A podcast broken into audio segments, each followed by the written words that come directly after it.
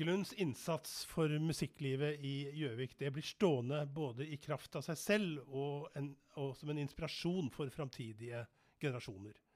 Det skriver forfatterne Tore Hagebakken og Martin Bekkelund i den nye boken om mannen som er en av de få som opplever å komme på sokkel før sin bortgang. Mitt navn det er Erik Sønsterli, og det du hører på er OA-poddens bokbad. Og som det fremgår av åpningen her, så skal det handle om Rolf Bekkelund.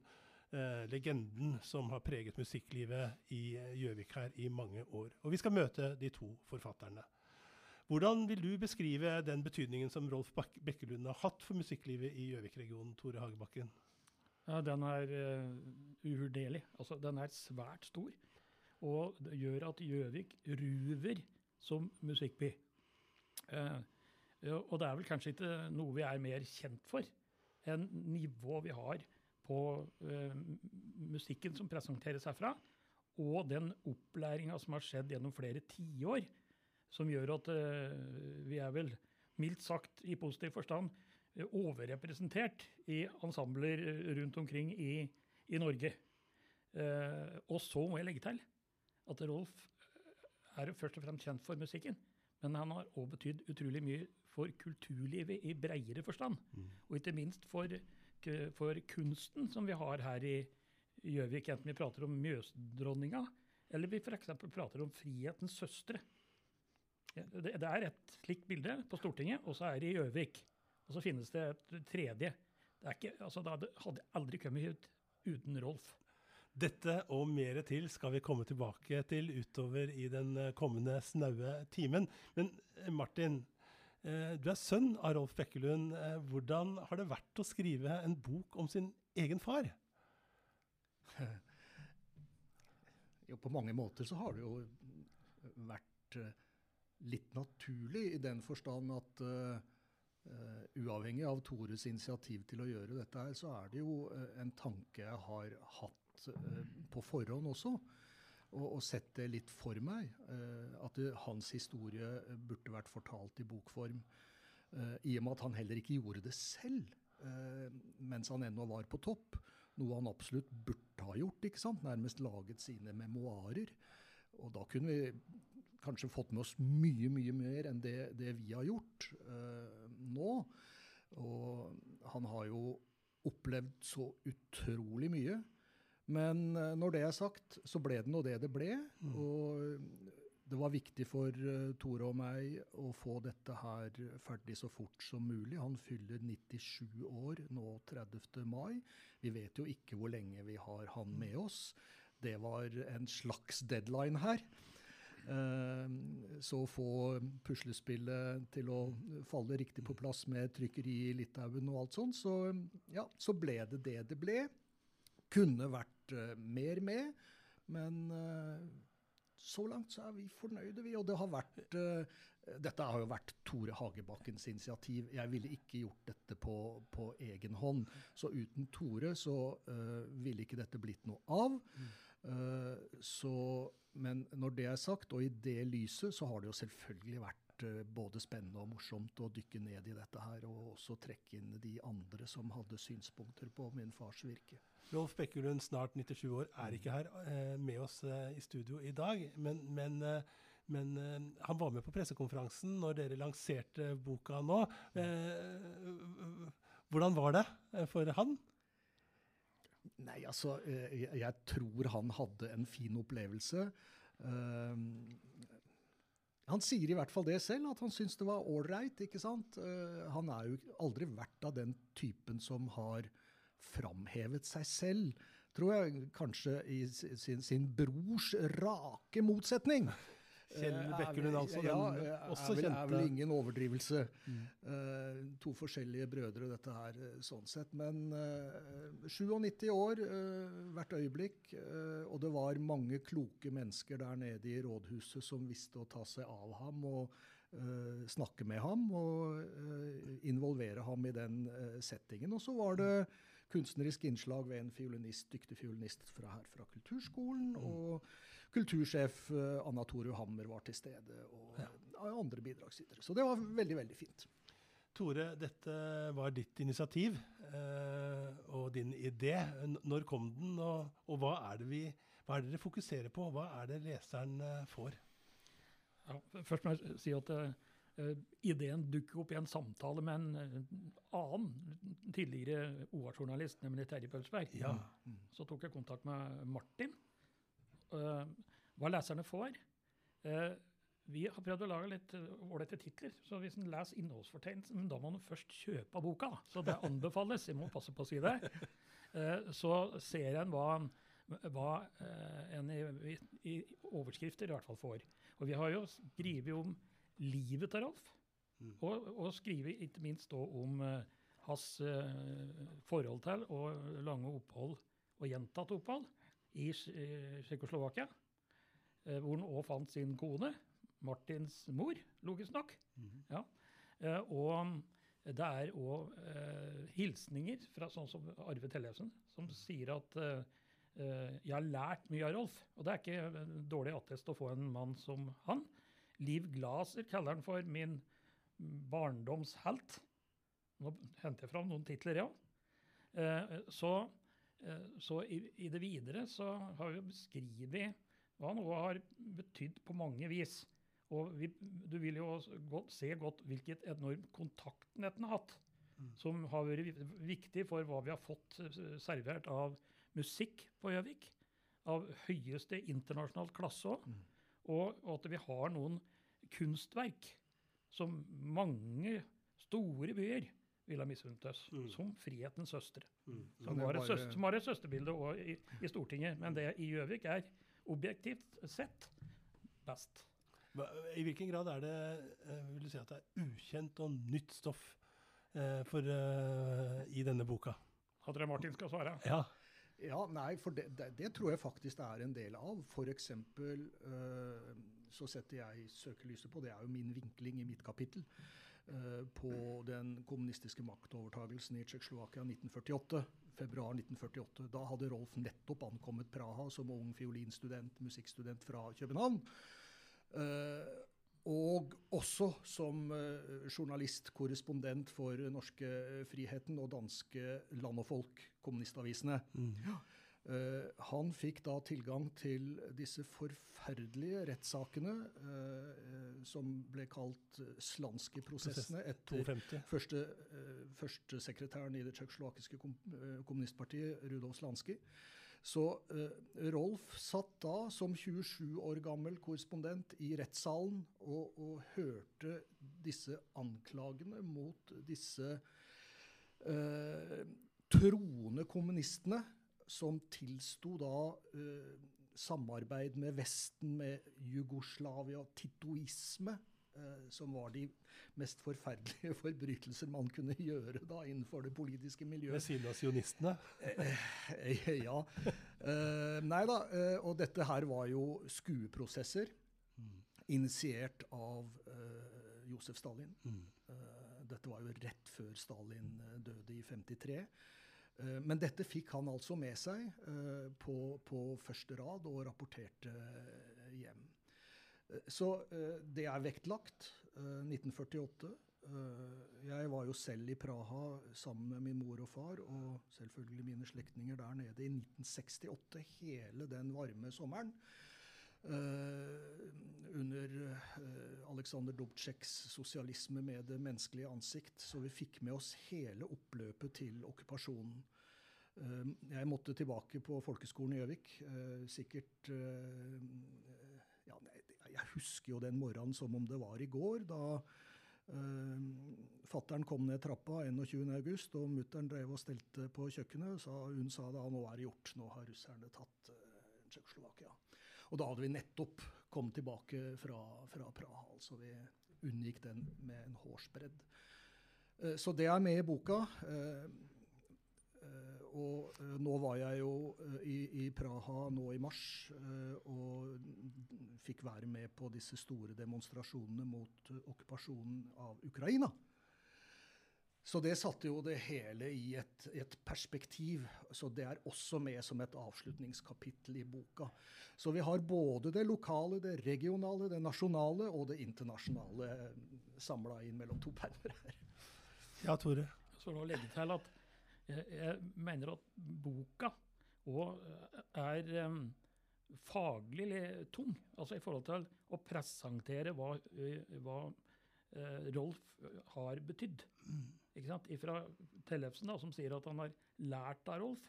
Ikke sant? Og, og hva som eh, blir beskrevet av Ågot Stoltz Meyer, som har jobbet svært tett med Rolf i en årrekke som rektor eh, på eh, Kunst- og kulturskolen, som det heter nå. Eh, den er, det kapittelet er på ganske mange sider. Musikkfaglig sterkt, Mm. det jeg uh, vil understreke. Så jeg vil tilbake til spørsmålet i stad. Altså, jeg vil si at det der er, det er ikke den tjukkeste boka som er gitt ut. Hun er på eh, 92 sider. Men jeg vil si at det er ganske Hun er eh, innholdsrik. Mm. Eh, og er brei når det gjelder tematikk, som det som Martin nå litt grundig prater om, det som jeg sier Ågot har skrevet, og de, de andre elementene inkludert historien om oppveksten og hva den, hva den betydde på kampen i Oslo, og kom til å sette sitt preg på både Kjell og Rolf for livet. Og det var ganske røven Rolf, da.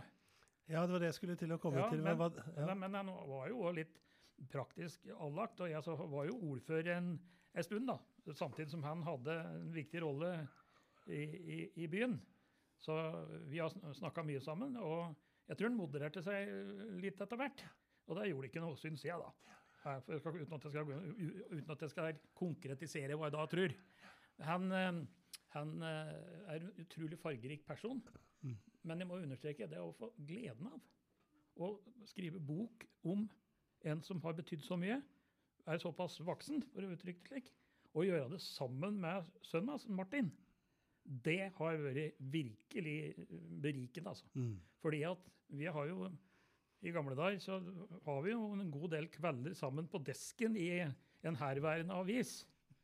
Eh, så det som var så rart, det var at når vi begynte å jobbe med dette, her, så var det omtrent akkurat som vi skulle ha jobba sammen i går. Bortsett fra at han hadde hatt en større faglig utvikling enn meg, fordi at jeg hadde jo vært, helt, vært heltidspolitiker. Men vi fant så godt sammen. Eh, Så det, vil si, det kameratskapet vi har bygd opp gjennom dette prosjektet, det har vært utrolig givende. Og de vi har hatt med ellers på laget, som bare har vært positive, og som alle er gode med, med Jeg kan ikke si pennen, for det er ikke det som brukes lenger. da. Men skjønner du mener? Det har vært moro. Så dette dugnadskonseptet, da, for her er det ingen som har fått betalt for å skrive. Mm. Uh, heller ikke, heller ikke da betalt skatt, som slapp unna den. Ja. Men eh, det, det har tiltalt meg veldig. Og en grunn til at vi gjorde det sånn, det var fordi at vi tror mm, kanskje boka blei best sånn. sånn I det konseptet vi eh, valgte. Og så fikk vi gjort ting raskt, slik at vi kunne presentere boka i dag.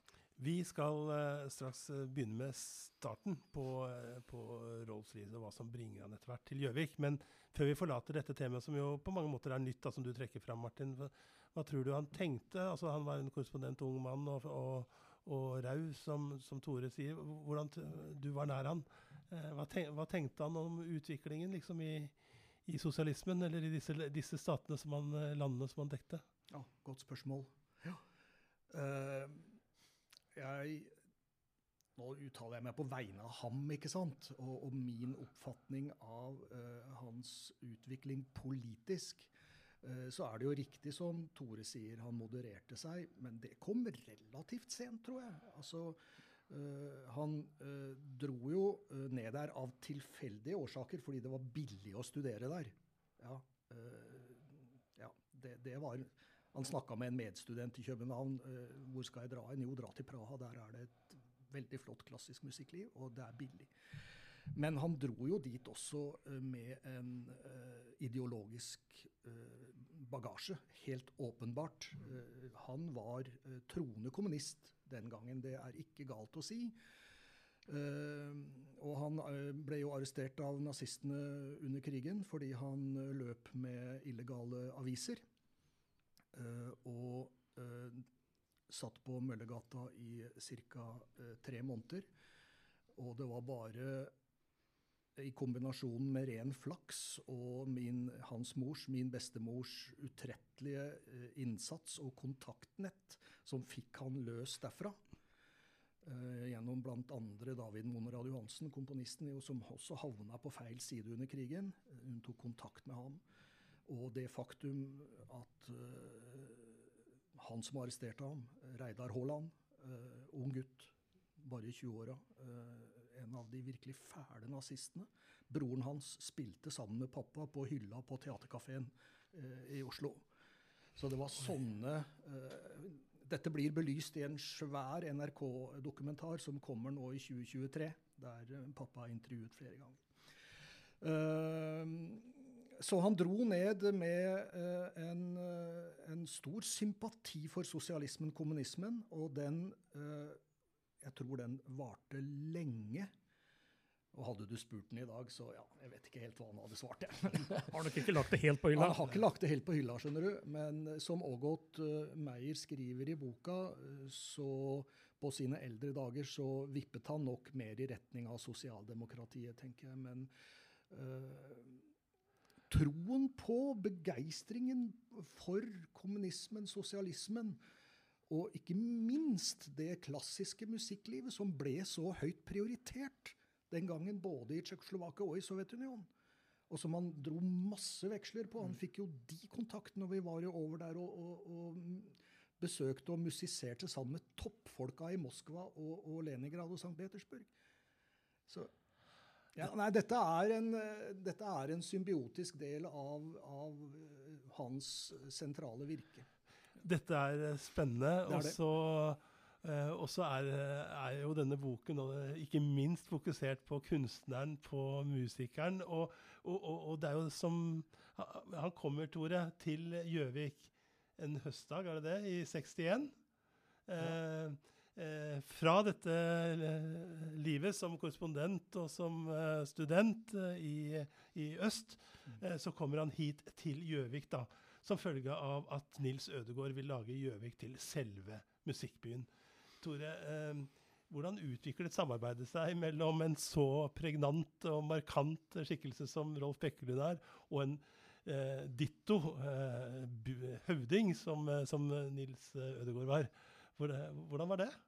Hvor Nei, altså, Nils Ødegaard var jo veldig sånn praktisk anlagt. Ja. Han var jo en, altså, tidenes Gjøvik-patriot.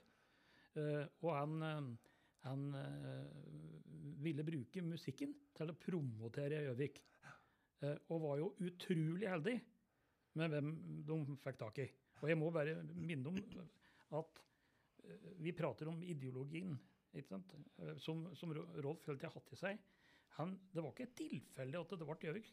Det var, det var, mye fordi at mora hans, som for øvrig heter Rallik, som er en sånn ja, utgave av Rakel, egentlig, hun ville gjerne ha Rolf nærmere for, eh, for um, Rakel og Martin Backelund, ikke han som sitter her nå, men altså hans bestefar.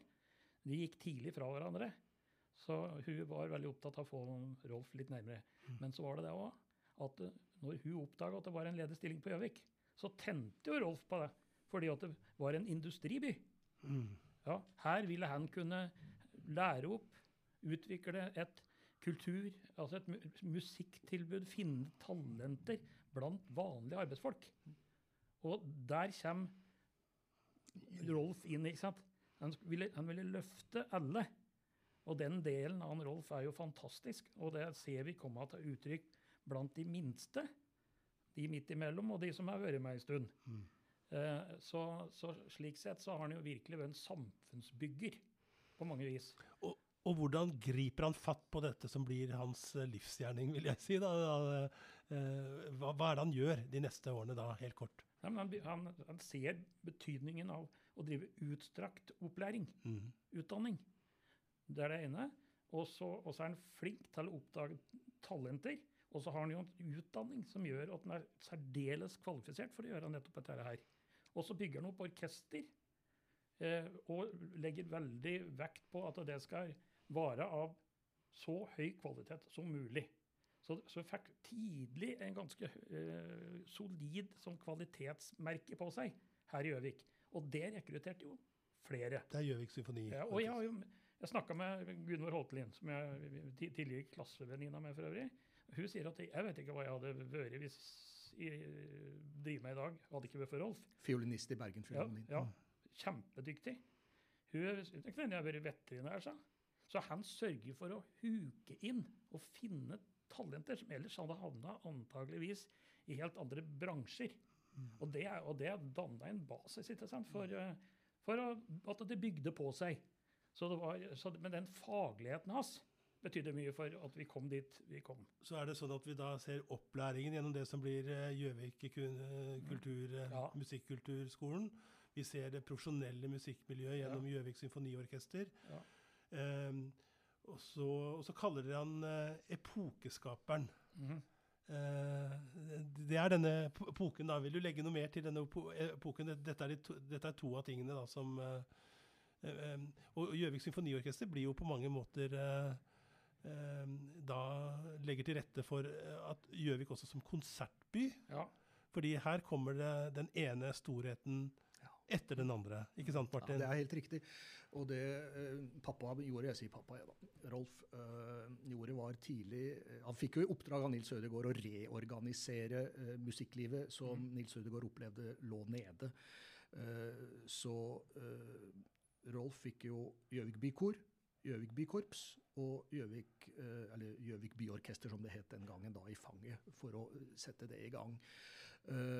Og meget tidlig, parallelt med eh, da etableringen av eh, Gjøvik musikkskole, som det het den gangen, å få inn profesjonelle lærerkrefter der, var viktig.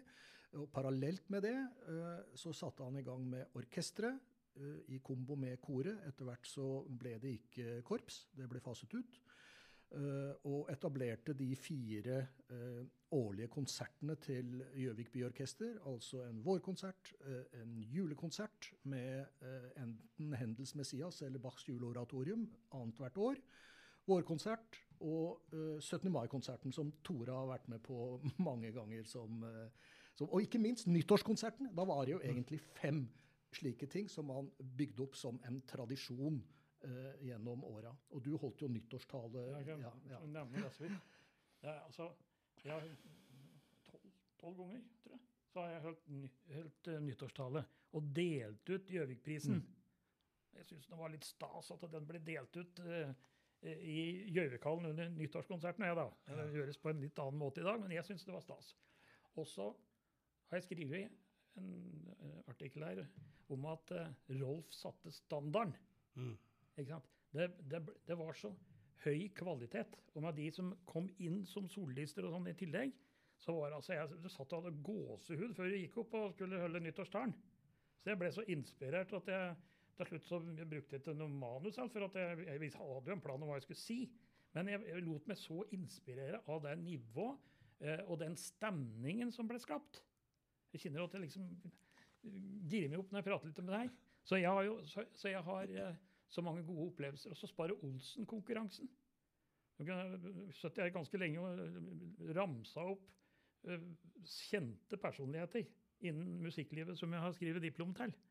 Ja. Og bare, Som ordfører. bare supplere litt, og det du spør om, Erik, er jo uh, de kunstnerne som kom hit. Og, og det, det er jo egentlig nokså utenkelig i dag.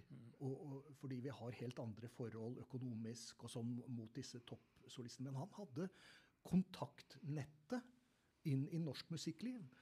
Og, og den gangen så skulle Så, så var det, det var litt dugnad den gangen òg, Tore. ikke sant? Altså Norsk musikkliv og kulturliv skulle bygges. ikke sant? Kjell satt jo sentralt i Arbeiderpartiet og skulle ideologisk bygge uh, kulturpolitikken til det norske Arbeiderpartiet. Uh, Rolf benyttet sitt kontaktnett og inviterte hit altså Eva Knardal, Arve Tellefsen, eh, Liv Glaser. Eh, skuespillerne, altså eh, Ruth Tellefsen, eh, Per Aabel. Per Aabel, eh, Robert Levin Altså, alle var her. Det er helt vilt. Mm. Ja. Og de kom til Gjøvik. Ehm, vi kommer jo ikke utenom Rolf eh, Bekkelund eller uten å snakke om korps, for nå har vi snakket om store, store kunstnere. Men eh, korps er, Hva var det med korps og han, Martin? det var vel ikke hans store greie, for å si det rett ut.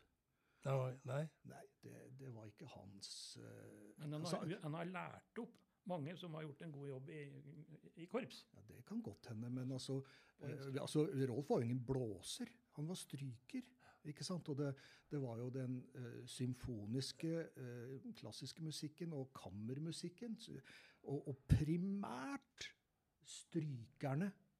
Altså fiolin, bratsj, cello, kontrabass i, i den tradisjonelle strykekvartettbesetningen og, og tradisjonelle kammermusikkbesetningen som lå hans eh, hjerte nærmest, Nettopp, og det ja. repertoaret.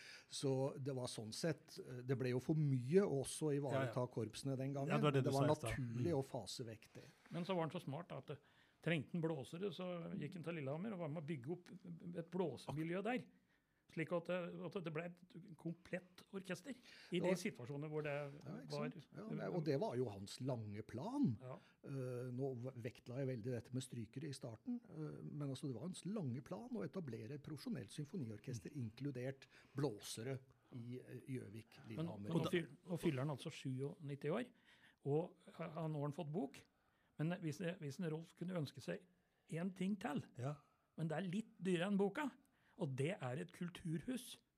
Og da skriver jeg den boka, og det hva jeg har hørt noen si, kloke mennesker, si at da bør jo den hovedsalen hete Bekkelundsalen. Ja, og det er enstemmig vedtatt her.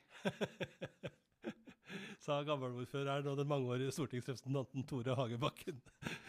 Her, eh, eh, og, og viktig er det å få denne boka. Jeg gleder meg til å gå løs på den, fordi, eh, eh, fordi Rolf Bekkelunds navn eh, kommer fort opp overalt. Eh, også vi som er kommet til Gjøvik i seinere år, så møter vi det, det navnet.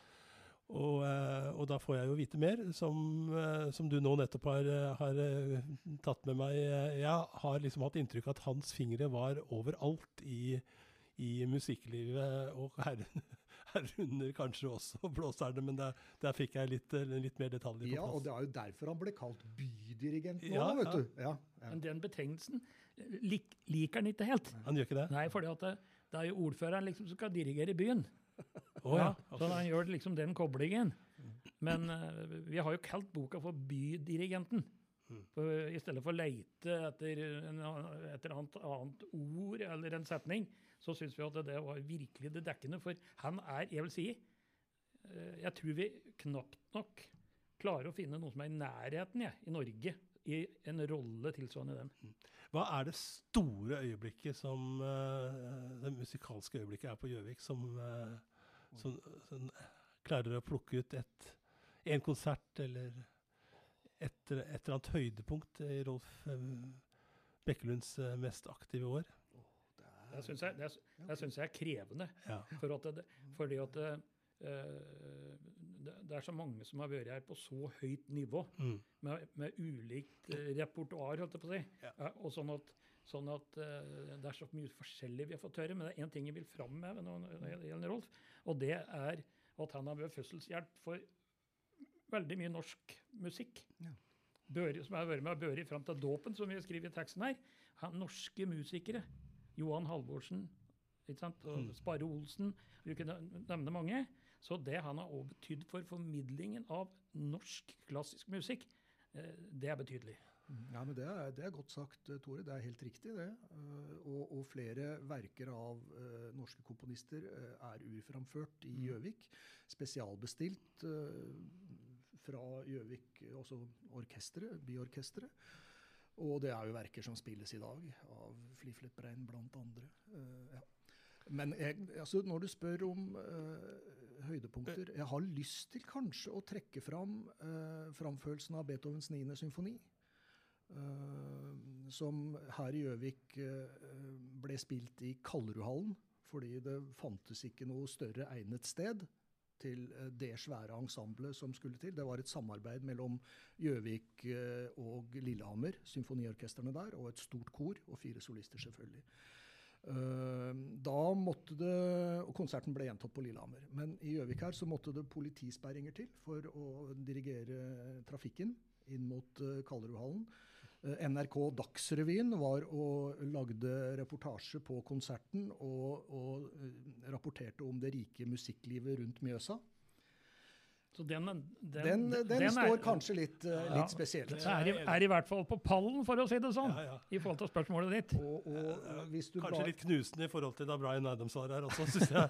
Da var det overlegent, og, dette her. Og, jeg har brukt på tittelarket, hvis du blar om, så er det, eh, er det ni, niende symfoni og hans altså dirigentskap. omslaget på innsida. Og, og, hans kommentarer i partituret. Nydelig. Um, lov, du sa nydelig, ja. og det satte meg på noe jeg absolutt bør si. Eh, jeg, og jeg vet jo at Martin har lang fartstid fra Oppland Arbeiderblad. Men eh, hans eh, evner som sånn grafiker, det er jo Han er utrolig god. Og er, for meg er han litt sånn læremester underveis. For det å kombinere Du skal kombinere gamle og nye bilder med, med tekst i en god match, og så skal det være tiltalende. Og dette er Martin flink på, altså. Vi må få lov å skryte av han. Og dere har jo brukt litt tid nede i katakombene til OA og funnet fram bilder til, til boka. og Ja, tusen takk. Er, ja. Du, eh, jeg bare har lyst til å gripe fatt i Du snakka litt om kulturhus, du snakka litt om kongstanken til din far Martin. Og kanskje er vi nettopp ved det punktet hvor vi skal trekke fram betydningen for musikklivet. Altså musikkbyen er et begrep. eh, Musikkbyen Gjøvik i dag. Eh, var det kongstanken hans, ikke sant? Å bygge et eh, eh, Lage dette til musikkby. Og, og, hva, og i dag ser vi Orkester Innlandet. Hvor mange aksjer har faren din i det? Ja, nei, han er jo øh, Uten han ingen, ikke noe orkester. Nei, det var han som, han som grunnla det som da het Gjøvik Symfoneta, som en orkester som øh, Altså, de kom tilbake, hans talenter som vendte ut, eller som avsluttet sin eh, virksomhet, eh, utdanningsperiode i Gjøvik, og som dro ut og, og fikk jobber. Eh, så er jo det alltid litt trist, ikke sant? Når, det, når eh, talentene forlater eh, en skole, en by. Så, ja, så øh, ville han etablere et ensemble som eh, de kunne vende tilbake til. Og det ble da prosjektorkesteret eh, Gjøvik Symfonietta. Og øh, det eh, arbeider Tore Hagebakken og jeg med nå, da, administrativt, for å forsøke å uh, trygge virksomheten til gjennom uh, å lete fram sponsorer, uh, både offentlig og privat. Og så har vi vært inne i departementet og på statssekretærnivå og prøver å luske oss inn på statsbudsjettet. Så dette er Rolf Bekkelunds langsiktige arv, som vi nå prøver å, å videreformidle inn mot et profesjonelt orkester i Innlandet, altså Orkester Innlandet. Men akkurat, akkurat som Nils Ødegaard for, forsto betydninga av å satse på det her, så, så, så eh, forstår eh, ledelsen i Gjøvik kommune òg viktigheten av at vi nå må løfte dette ytterligere. Og det er jo liksom Det fortjener virkelig Rolf i denne sammenhengen. da. Mm. Og det ville være fantastisk for Gjøvik. Eh, så jeg vil passe på eh, å berømme Gjøvik kommune for åssen de har stilt opp, Mm. delt sammen med nabokommuner i regionen, for å, for å sikre og legge et grunnlag for Orkester Innlandet, som vi kaller det i dag. Og det syns fylkeskommunen var greit at vi gjorde. Og det var viktig å få det stempelet derfra òg. Sikre grunnlaget. Og da, da har Gjøvik gått virkelig gått foran. Og Gjøvik bidrar med 600 000 til Orkester Innlandet nå. Og når vi spurte om bistand til boka, som for øvrig er det jeg kaller en eh, ja, liten gave i billigkroken ja, For det er ikke dyrt når ingen tar betalt for å skrive. Og ingen, ja, er så, derfor så fikk vi ja med én gang. Og Gjø- Gjøvik kommune var jo aktivt med i, i, i dag òg. Så all ære i den retning. Også all ære til Historielaget, som helt på tampen her stilte opp og tok, eh, tok ansvar for å stå som utgiver. Og det er et kvalitetsstempel. Ja. Og det gjør at det blir enda større muligheter for å få solgt boka. Ser vi for oss og ser vi konturene av et høykvalitetsorkester, det største, altså symfon, profesjonelt eh, symfoniorkester? Er det, dit vi skal? Det eneste egentlig mellom Oslo og Trondheim. Ja, Det er helt riktig, det. Det er det vi bygger men, opp. Jo, men det er et langt lerret å bleke. Okay. Ja, det er helt klart. Eh, Selvfølgelig så hadde det vært helt fantastisk. Ja, Tore Men- fikser det på statsbudsjettet nå. Nei, men uh, ja, det, vi, er, vi er ikke, legger ikke lista så høyt. Eh, okay. altså, uh, basen her er, som jeg nevnte i sted, et tradisjonelt uh, kammerstrykeorkester. Et prosjektorkester som utvides med blåsere når det er nødvendig, og med kor for å lage de store oratorieverkene. Eh, men eh, litt etter litt, og første skritt nå er jo å forsøke å få til en økonomi som gjør at vi kan lyse ut stillinger, slik at eh, dyktige musikere worldwide kan søke på attraktive musikerstillinger, utøvende musikerstillinger i Gjøvik og Innlandet. Eh, og så får størrelsen på det ensemblet komme etter hvert. Eh, og eh, jeg, altså mitt slagord i dette har vært at KORK er hele landets orkester. Eh, Oi, Orkester Innlandet er hele Innlandets orkester. Og det er den eh, produktmerkevaren vi skal prøve å bygge opp. Men nå syns jeg, nå syns jeg regionen her eh, og fylkeskommunen, som nå er oppe i nesten en halv million men Vi er mottakelige for mye mer. Men altså, på kort tid da, så er potten regionalt her økt så mye at det, gjør jo sjansen for å komme inn på statsbudsjettet mye større. Og jeg er så, såpass praktisk anlagt at jeg er opptatt av at det beste ikke skal bli den godes fiende. Så vi må gjøre ting litt sånn gradvis. Og, det, og der syns jeg, hvis vi skal bruke helsespråket, at vi nå har stadig bedre prognose. Er det slik at vi på mange måter ser en linje i det arbeidet som Rolf Bekkelund og, ja, og det han har sådd, og, og, og vi har fått høste, at det er én linje i musikk hovedstaden Innlandet Gjøvik, og den andre er populærmusikkulturen. At det er Gjøviks befolkning og Gjøvik som sådan og Gjøvik-regionen klar over eh, hva slags asset, om du skal bruke et sånn uh, dialektord, uh, det er, eller hvilken mulighet det er? Eller er det det du sier, at du, at du, du aner det fra dagens myndigheter, at de har tatt det Ja, ja, på regionalt og lokalt nivå så gjenstår, gjenstår staten. Altså det er jo Mm. noe gjennom Kulturrådet og sånn, men vi må få en plass på statsbudsjettet. Og jeg sier det sånn, det skulle bare mangle. Ja, Mm. Så nå er det vår tur. Eh, så avgjort. Men jeg tenker eh, Lillehammer har liksom en hoppbakke og noen skiløyper, men vi har, eh, vi har konturene av en musikk som Og det er der vi kommer neste steg i Kulturhuset, da, skjønner jeg, Tore. Ja. Det må også på plass.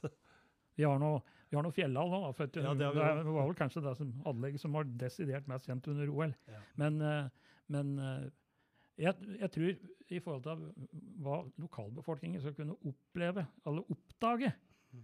så tror jeg at, eh, at det, det er en god del aha-opplevelser på kultursida som gjerne flere bør ta del i. Mm. Så, så det har noe med å klare å bygge opp en, kan vi si, en portefølje av tilbud som lokker folk til seg. også. Og derfor dette KORK-konseptet, hvor du kan nettopp koble litt av populærmusikken, sånn som vi gjør med Knut Anders Sørum, som har vært i Hofskjerka og spilt inn uh, en plate med, med pla, kaller det plate, jeg, da. uh, med Orkester Innlandet. Det er liksom et sånn rett spor. Mm. Så du kan koble rock'n'roll altså, ja, jeg må bare, Hvis du egentlig hører etter, så ve veldig mye av den virkelig gode populærmusikken har jo strykere. Mhm.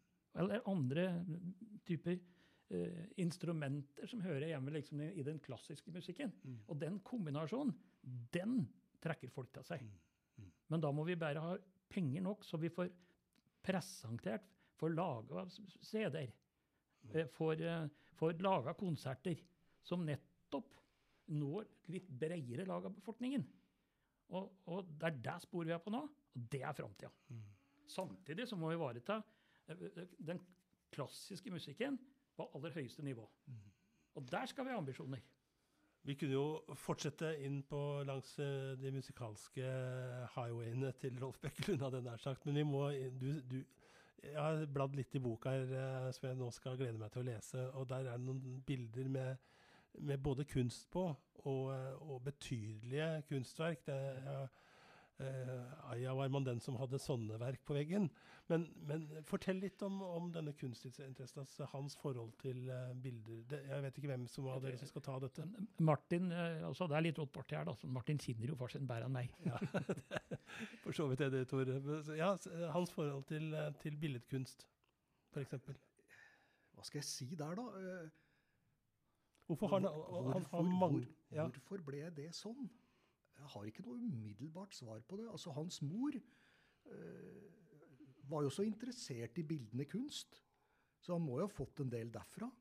Uh, og så tror jeg, nå bare spekulerer jeg, altså i Oslo der, så, uh, og i det miljøet rundt Kjell og Rolf uh, og, og, og mora Rallik, Rakel Alle i, i, i kunstmiljøet i Oslo vanka jo i Eilertsunds gate 50.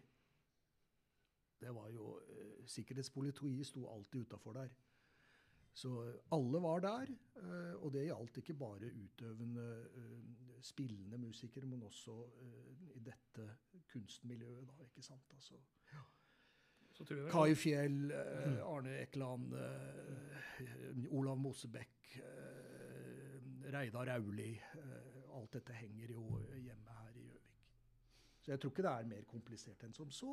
Er det bare bilder han fikk av sine venner, det da? Eller, Ja, det er nok litt det han, òg, han, tror han, jeg. han, har, han har kjøpt mange, mange bilder. Ja. Og du har vært med til Oslo noen ganger og, og kjøpt eh, bra kunst, har du fortalt. Og det har Rolf sagt. Og, så eh, han var nok minst like opptatt av å henge penga på veggen, holdt jeg på å si, enn å sette dem i banken. Uten at jeg kjenner bankkontoen hans. Men det er, det er jo det er jo Altså, det er en opplevelse å gå inn der. Ja, Det er virkelig en opplevelse. Og, det, og det er, han har jo til og med gravstøtten til Rudolf Nilsen. Altså ikke sjølve støtten, for den står jo på kirkegården. Men altså en- Gipsa- Gips, gips, gipsavstøpningen. Eh, og Nei, så Jeg får ikke fortelle så mye mer om dette, tror jeg. Du må lese boka. Hæ? Ja. ja så får han, eh, holde verdiene sine litt for seg sjøl, kanskje. Ja, sånn, ja. Men, ja, eh, men, eh, men Mm. det er helt utrolig å oppleve, i hvert fall. Men det må jo ha vært utrolig å, å, å vokse opp i et, et sånt miljø, Martin, med far din. eh, Jeg har jo fått lov til å jobbe med deg, og, og jeg har fått lov til å jobbe i samme hus som, eh, som eh, din onkel, da, Kjell Bekkelund. Så jeg sto musestille oppetter i heisen når vi reiste oppover etasjene til VG, hvor, som han skrev jo også ved siden av sitt kunstneriske virke. Ja, hvordan var forholdet mellom han og broren? Uh, de skilte jo de, de valgte hver sin vei, eh, ideologisk og også kunstnerisk. ikke sant? Altså Kjell eh, satset jo absolutt alt på en internasjonal karriere. ikke sant? Han spilte jo verden rundt. Eh, og Rolf valgte da en, en helt annen tilnærming til, til dette gjennom eh, engasjementet på Gjøvik. Eh, og så var det nok eh, litt personlige forhold eh, også som spilte at de nok på slutten av Kjells liv, han døde jo relativt tidlig, ikke hadde så mye med hverandre å gjøre. Men selvfølgelig i starten så var det jo Vidunderbarna og Knoll og Tott de som spilte for kongen. Og, og de, de gjorde veldig mye sammen uh, i mange, mange år. Jeg kan fortelle at uh, skriv om Mats Bekkelund, søsken, ja. søskenbarnet til Martin. Ja. Og uh, det eneste, eh, eneste barnet, skal jeg si, da, han er jo i 50 år han nå, til Kjell, eh, han forteller om hvor forskjellige de var, uh, Bekkelund-brødre. Eh, og han forteller at å, komme hit til Gjøvik, å komme til Rolf, det var som å komme til eventyret, og de bodde til og med Eventyrveien. Mhm. Så han følte at da kom han til det normale. Ja. Eh, og, kontrasten var kjempestor. Eh, og han er jo veldig glad i Rolf og Gjøvik og slik fortsatt. Så jeg har òg møtt han. Og han var en eh, interessant type. Eh, absolutt. Eh, og eh, han gir jo Rolf og Jarmilla, kona som mora hos Martin, de aller beste skuesmål. Så mm, det syns jeg var hyggelig å høre. Så Derfor jeg skrive om det i, i boka. Det er ikke at det sier noe gærent om far sin, men eh, jeg tror nok en syns det var eh, like koselig å være her. Mm. Det er ofte en utfordring å være barn i kunstnerhjem. Ja, og det var ikke bare Kjell. Nei, det, ja. Um, vi må Det er veldig spennende å, å høre dere fortelle uh, om eh, en av eh, de legendene som er i byen her. Uh, vi må ned for landing, ser jeg. Vi har drevet på et kvarter, nei, tre kvarter allerede. Uh, eh, men Tore, du har sittet 16 år på Stortinget. Er, ikke det? 16? Det var riktig. Fire perioder. Ja. Og, men du er jo en gammel, gammel pressemann og skriver mye. Hvordan var det å skrive igjen? Skikkelig moro. Ja. Skikkelig moro. Men også å, å lage nettsaker, som jeg òg prøvde meg litt på, det er, noe, det er en sjanger, ikke sant? Og skal du skrive i papirutgaver, så er det litt annerledes. Og skal du lage bok, så er det en tredje kategori. Mm. Og nå har jeg fått, fått opp igjen litt trening i alle tre, og bøker har ikke jeg det å skrive noe særlig. Jeg skrev, bare skrev noe i en KS-bok om uh, ordførerrollen, men det er liksom noe annet, for å si det mildt. Men jeg syns det har vært skikkelig artig. Og så igjen veldig artig å jobbe sammen med en så komplett eh, person på dette fagområdet som Martin, som liksom gjør hele skalaen. Vi syns jo også at det er litt artig da, at det er to gamle OA-profiler som uh, har slått uh, Eh, kunnskapene sine sammen. Da, og, uh, og lagd ei, bok som vi kan anbefale folk i Gjøvik-samfunnet å få med seg. Viktig at den skrives. Viktig både for de som ser bakover, og de som ser framover. Uh, ja, uh, apropos framover, uh, skal vi kanskje slutte der med å si, spørre om Rolf Bekkelund om 50 år. Hva, hvor står han da, Tore? ja, da har vi for lengst fått på plass Bekkelundsalen. Ja. Som for evig og alltid, ja, i hvert fall så lenge bygget står, ikke sant, vil være forbundet med han. Ja. Så det er en sak jeg kommer til å engasjere meg i. Men jeg tror ikke jeg behøver å engasjere seg altfor mye, for det tror jeg blir ganske selvsagt for de som skal ta beslutninger. Mm. Så vi må, ta, vi må, ta, vare på uh, navnet Bekkelund. Rolf Bekkelund. Det er viktig. Og så har han satt så mange spor etter seg som, som vil prege musikklivet i Gjøvik hvis vi hegner om det. Hvis vi klarer å, å ta ny sats i mange, mange tiår framover. Og, og, mange, mange Og det er slik at det, hvis mor eller far lærer seg et instrument og, og, har med seg hele livet, så er det lett for å smitte over på neste generasjon. Mm. Så slik sett så er det noen no gener som blir med en stund til. altså. Mine herrer, stor takk for at dere kom til OA-poddens eh, bokbad. Tore Hagebakken og Martin Bekkelund.